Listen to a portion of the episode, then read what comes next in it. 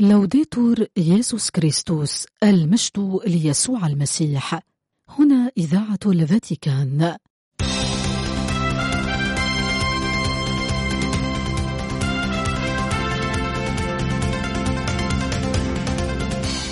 مستمعينا الأحباء تحية طيبة من القسم العربي في إذاعة الفاتيكان.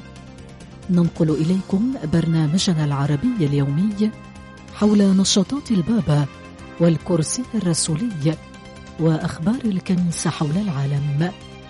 يمكنكم الاستماع إلى برامجنا والاطلاع على آخر الأنباء عبر الإنترنت على الموقع vaticannews.va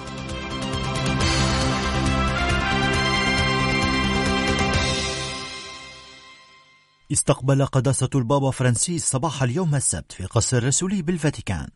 أعضاء Junta Constructora لبازيليك العائلة المقدسة في برشلونة. وللمناسبة وجه الأب الأقدس كلمة رحب بها بضيوفه وقال يسعدني أن أستقبلكم مع عائلاتكم في هذا العام الذي أود كما كررت في عدة مناسبات أن أكرسه للصلاة. فنستعد هكذا ليوبيل عام 2025 ومن المهم ألا يضيع مناخ الصلاة في المعابد. ويجب أن تكون هذه أولوية الذين مثلكم. نالوا مسؤولية رعايتها. تابع البابا فرانسيس يقول من المؤكد أنكم لاحظتم أن بازيليك العائلة المقدسة قد تم تصميمها لكي يكون لكل رواق موضوع. مرسوم ومفسر بمقاطع من الكتاب المقدس ومؤطر بالصلاة. وهكذا فإن الباب الأول باب الإيمان خلف صورة يسوع الذي يعز العلماء. يظهر لنا التثليث المقدس على الإيمان الذي نكرس به يجب أن يصبح صلاة. أما الباب المركزي باب المحبة والذي شخصيته الرئيسية هي بالتحديد العائلة المقدسة.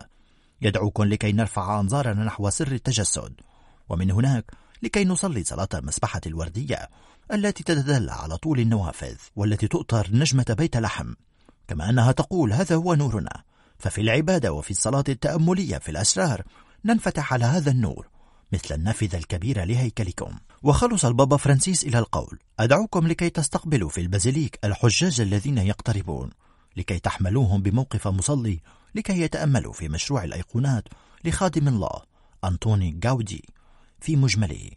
لكي وعلى مثال القمم وأبراج الأجراس ترتفع أنظارهم وتعلن أصواتهم مع الملائكة. قدوس الله قدوس القوي قدوس الذي لا يموت. ليبارككم الله. قبل احتفاله بالقداس في كنيسة يسوع في روما لمناسبة الذكرى السنوية السادسة بعد المئة لإعادة إنشاء دولة ليتوانيا. علق أمين سر دولة حاضرة الفاتيكان الكاردينال بيترو بارولين على موت المعارض الروسي أليكسي نافالني داخل أحد السجون لافتا إلى أنه كان يعتقد أن قضيته ستحل بطريقة مختلفة. إن هذا النبأ فاجأنا وآلمنا في الوقت نفسه. هذا ما قاله المسؤول الفاتيكاني في حديث للصحفيين تعليقا على موت أليكسي نافالني الذي يعتبر من أبرز المنشقين والمعارضين الروس والذي مات يوم أمس الجمعة عن عمر 47 عاما في أحد السجون الروسية حيث يقبع منذ العام 2021 ويمضي عقوبة بالسجن مدة 19 عاما. لفت الكاردينال بارولين إلى أنه علم بالخبر من خلال النشرات الإخبارية موضحا أنه متأسف جدا لما حصل ومؤكدا أنه كان يتوقع أن تنتهي القضية بطريقة مختلفة. ردا على سؤال أحد الصحفيين عما إذا كان هذا الحادث سيبدل موقف الكرسي الرسولي تجاه موسكو خصوصا وأن الغرب وجه أصابع الاتهام إلى الرئيس بوتين مؤكدا أن نافالني قتل ولم يمت نتيجة عارض صحي.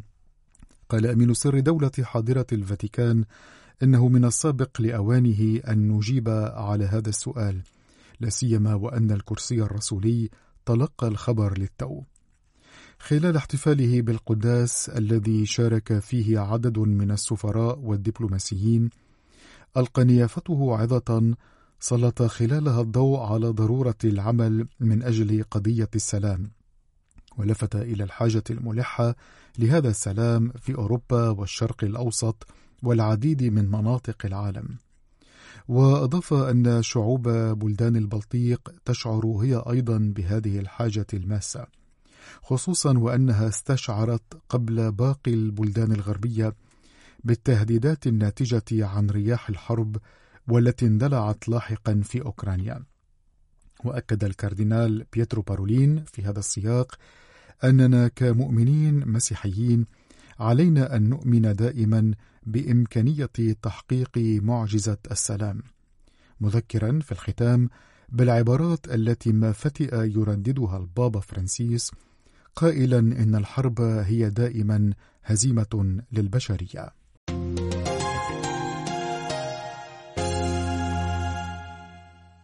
بعث الكاردينال أنطونيو تاغل المسؤول عن قسم البشارة والكنائس الخاصة الجديدة التابع لدائرة الكرازة بالإنجيل وأمين سر هذه الدائرة الفاتيكانية المطران نواشوكو بعث برسالة إلى رئيس مجلس أساقفة نيجيريا المطران لوتشوس إيويجيرو أوغورجي.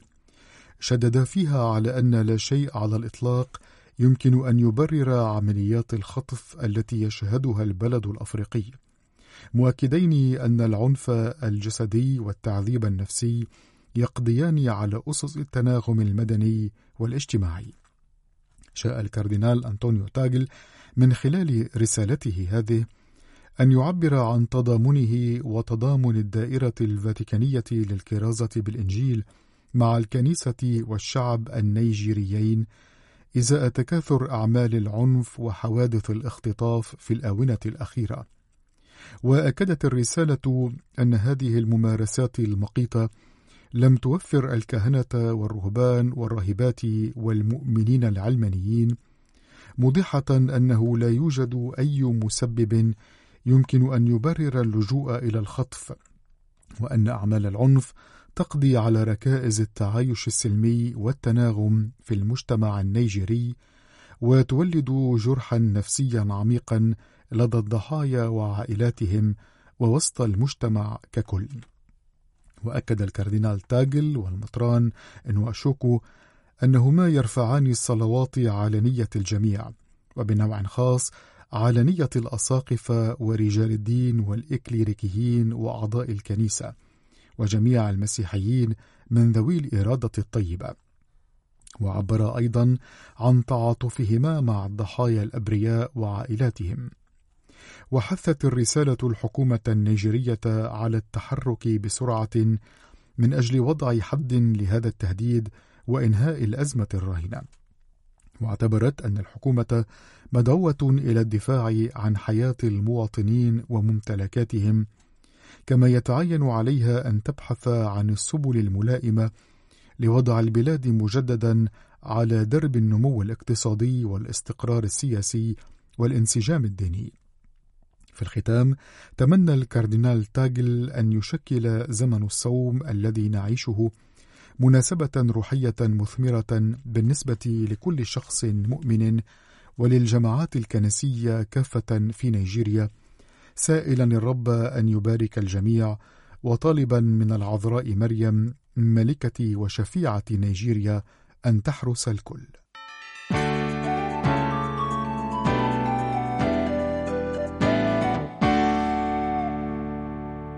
إن شهداء الكنيسة ليسوا ظاهرة هامشية بل يشكلون نقطة ارتكازها الأساسية.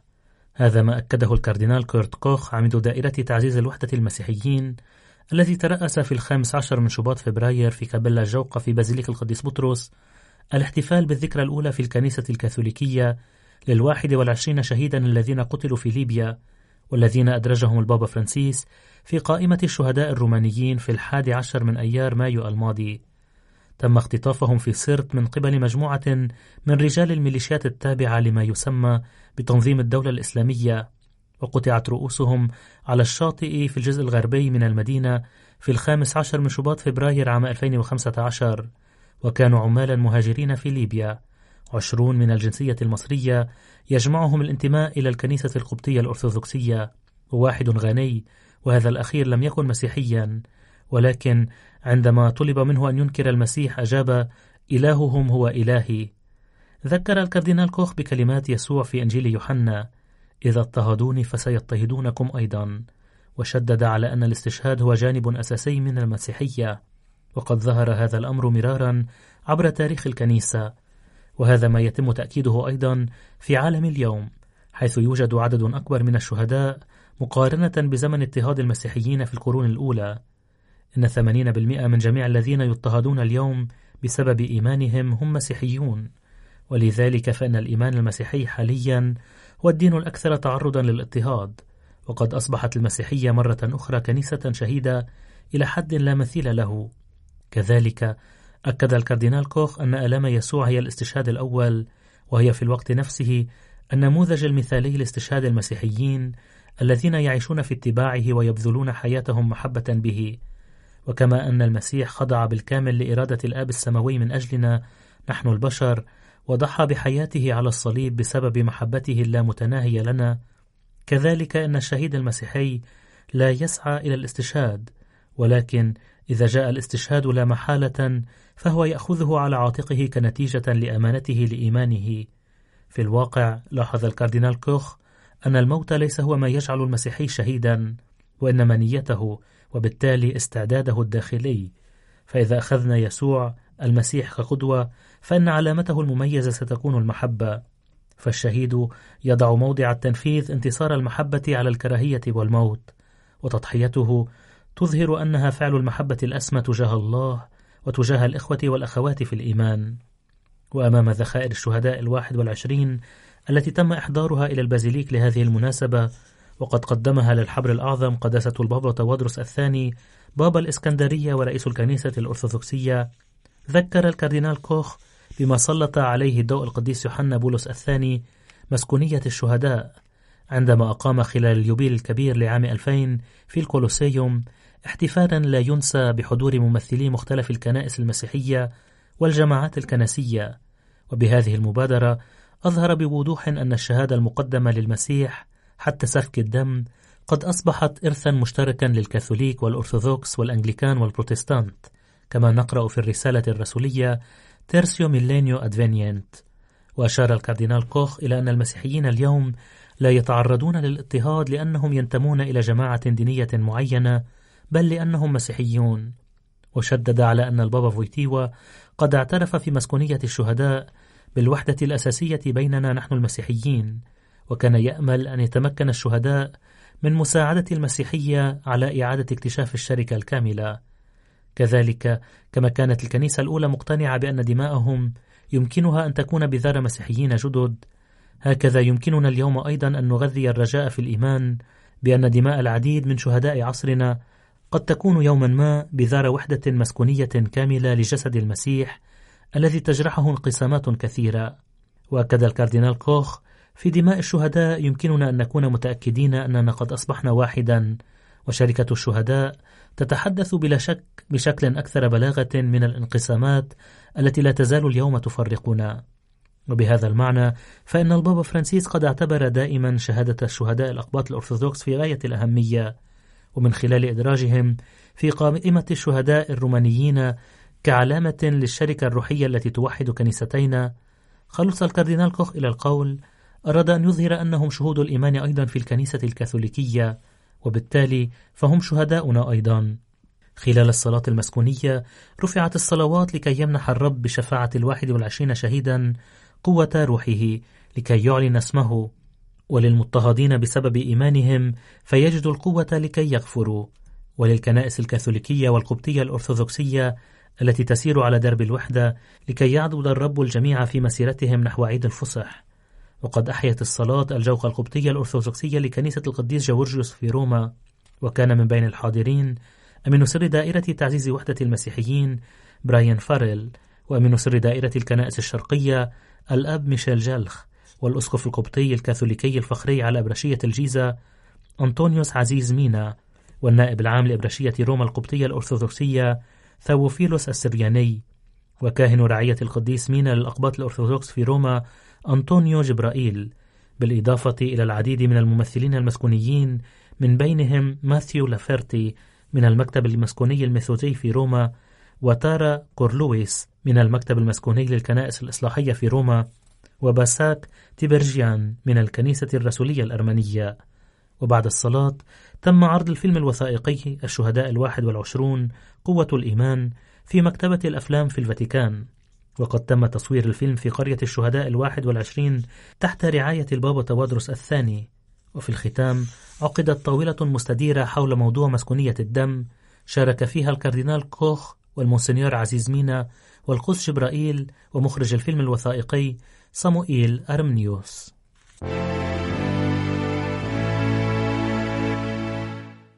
حددت رئاسة مجلس أساقفة إيطاليا الثامن عشر من شباط فبراير الأحد الأول في زمن الصوم يوما لحملة التبرعات على صعيد الكنائس في جميع أنحاء البلاد وذلك كعلامة ملموسة للتضامن والمشاركة من قبل المؤمنين جميعا إزاء الاحتياجات المادية والروحية للمتضررين من النزاع في الأرض المقدسة.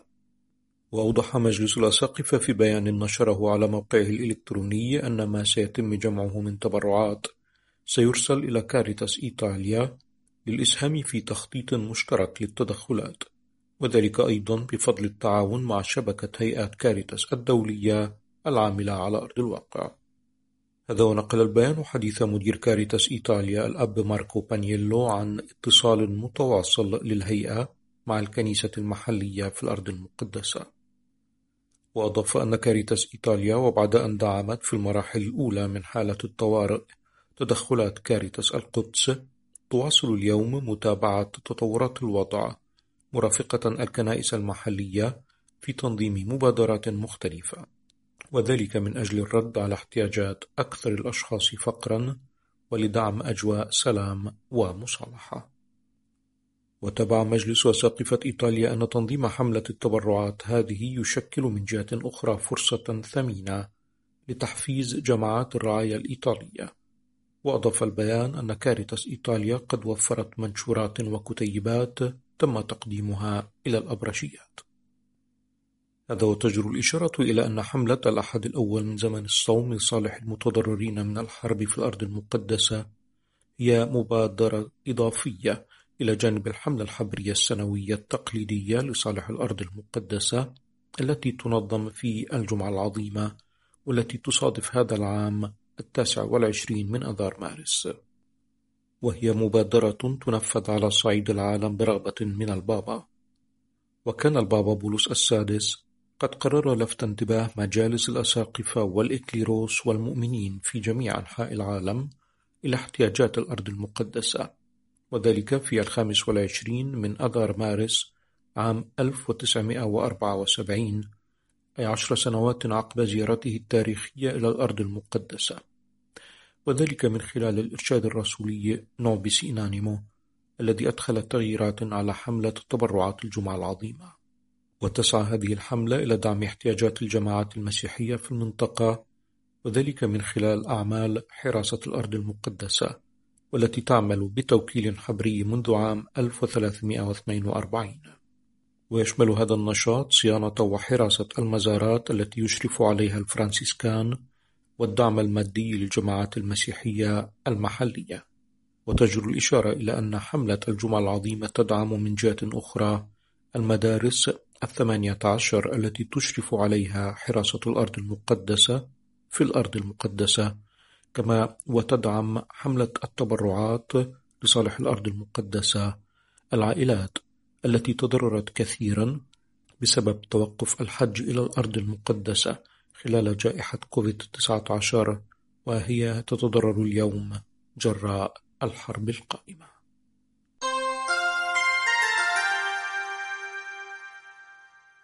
نظمت لجنة مجالس أساقفة الاتحاد الأوروبي ومجموعة القديسة مارتا في الرابع عشر من شباط فبراير ندوة في البرلمان الأوروبي لتسليط الضوء على إسهام الكنيسة والمنظمات الدينية في مكافحة الإتجار بالبشر وذلك من خلال حماية الضحايا وتحميل مرتكبي هذه الجرائم مسؤوليتهم.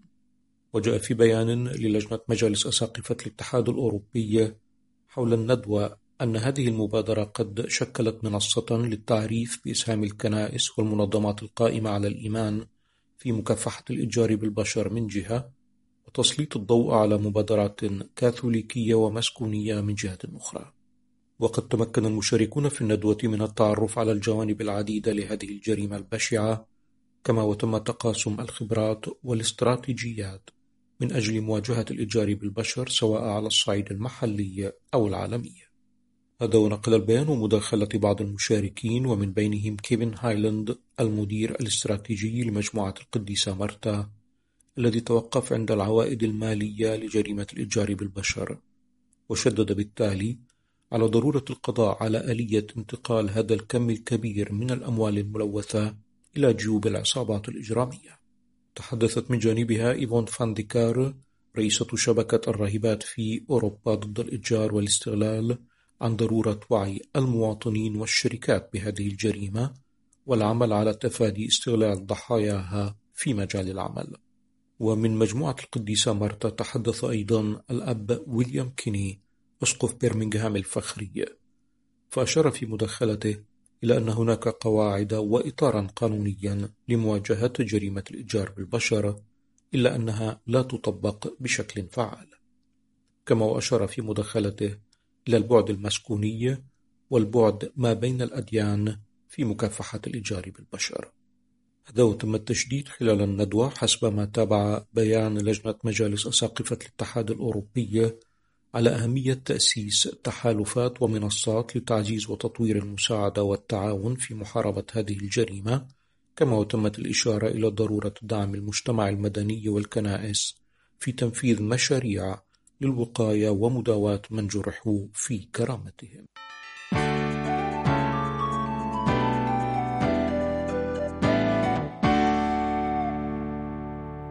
جدد أنطونيو غوتيريش الأمين العام للأمم المتحدة دعوته لوقف إطلاق النار لأسباب إنسانية وإطلاق سراح جميع الرهائن على الفور وبدون شروط وأكد أن ذلك هو السبيل الوحيد لتوسيع نطاق الإغاثة الإنسانية في غزة. وأثناء مشاركته في مؤتمر ميونخ للأمن قال الأمين العام أن شيئا لا يمكن أن يبرر الهجمات الإرهابية المروعة التي شنتها حماس على إسرائيل في السابع من تشرين الأول أكتوبر. وأن لا شيء يمكن أن يبرر أيضا العقاب الجماعي للشعب الفلسطيني في الرد الإسرائيلي العسكري. وأضاف أن الوضع في غزة يعد إدانة للجمود الذي وصلت إليه العلاقات الدولية. ووصف مستوى الموت والدمار بأنه صادم وأشار إلى امتداد الحرب عبر المنطقة وتأثيرها على التجارة الدولية.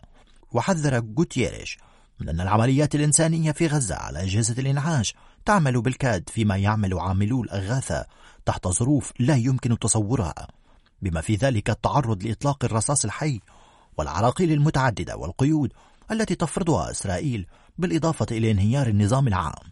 وانتقل غوتيريش إلى الحديث عن رفح أقصى جنوب قطاع غزة. التي يوجد بها مركز جميع العمليات الإنسانية في غزة. وقال إن تنفيذ عملية هجومية واسعة النطاق على المدينة سيكون مدمرا لمليون وخمسمائة ألف مدنيين فلسطيني يقيمون بها ويتشبثون بأطراف الحياة وأشار إلى دعواته المتكررة للوقف الإنساني لإطلاق النار والإفراج الفوري عن جميع الرهائن بدون شروط. وقال إن ذلك يجب أن يكون أساسا لخطوات حاسمة لا رجعة فيها باتجاه تحقيق حل الدولتين بناء على القانون الدولي وقرارات الأمم المتحدة. وفي كلمته أمام المؤتمر قال الأمين العام إن الحكومة العالمية في شكلها الحالي تعزز الانقسامات وتؤجج السخط.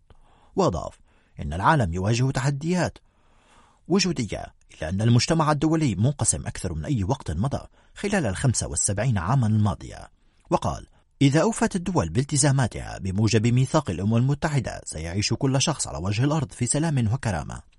ولكن الحكومات تتجاهل هذه التعهدات ليدفع ملايين المدنيين ثمنا رهيبا وتضطر أعداد غير مسبوقة على النزوح. وشدد الأمين العام على الحاجة إلى تحفيز تطبيق أهداف التنمية المستدامة بقيمة 500 مليار دولار أمريكي سنويا. في شكل تمويل طويل الأجل ميسور التكلفة للدول النامية للاستثمار في تلك الأهداف على النحو الذي أقرته الجمعية العامة للأمم المتحدة في أيلول سبتمبر. وقال غوتيريش أن الأمم المتحدة تعمل مع مجموعة صغيرة من رؤساء الدول لدعم ومراقبة تنفيذ ذلك التحفيز. وتطرق إلى أهمية إصلاح الهيكل المالي العالمي ليتوافق مع الاقتصاد العالمي اليوم ويكون قادرا على إنشاء شبكة أمان عالمية حقيقية وخاصة للدول النامية الغارقة. في الديون. وقال إن قمة المستقبل المقررة في وقت لاحق من العام الحالي ستنظر في الحاجة إلى إدخال إصلاحات كبيرة لجعل هذه المؤسسات والأطر عالمية وشاملة حقا وقائمة على سيادة القانون وشدد على أهمية ذلك لخلق اقتصاد عالمي يعمل لصالح الجميع في كل مكان.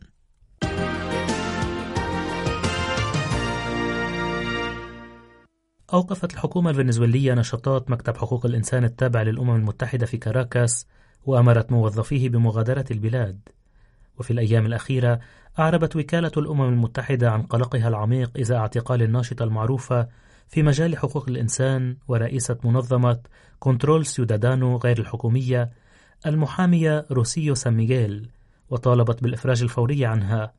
بعد أن كانت سان قد اعتقلت قبل أسبوع في منطقة الهجرة بمطار كاراكاس الدولي بتهمتي الخيانة والإرهاب بسبب الدور الذي زعم أنها لعبته في مؤامرة مزعومة لاغتيال الرئيس نيكولاس مادورو.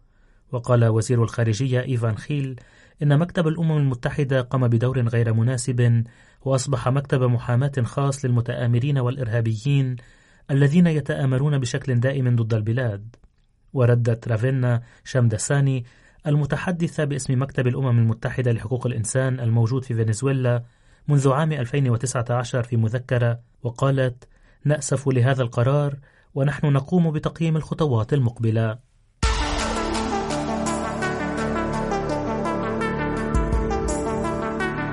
بهذا نأتي إلى ختام نشرتنا الإخبارية. قدمناها لكم من إذاعة الفاتيكان. المجد ليسوع المسيح. لوديتور ييسوس كريستوس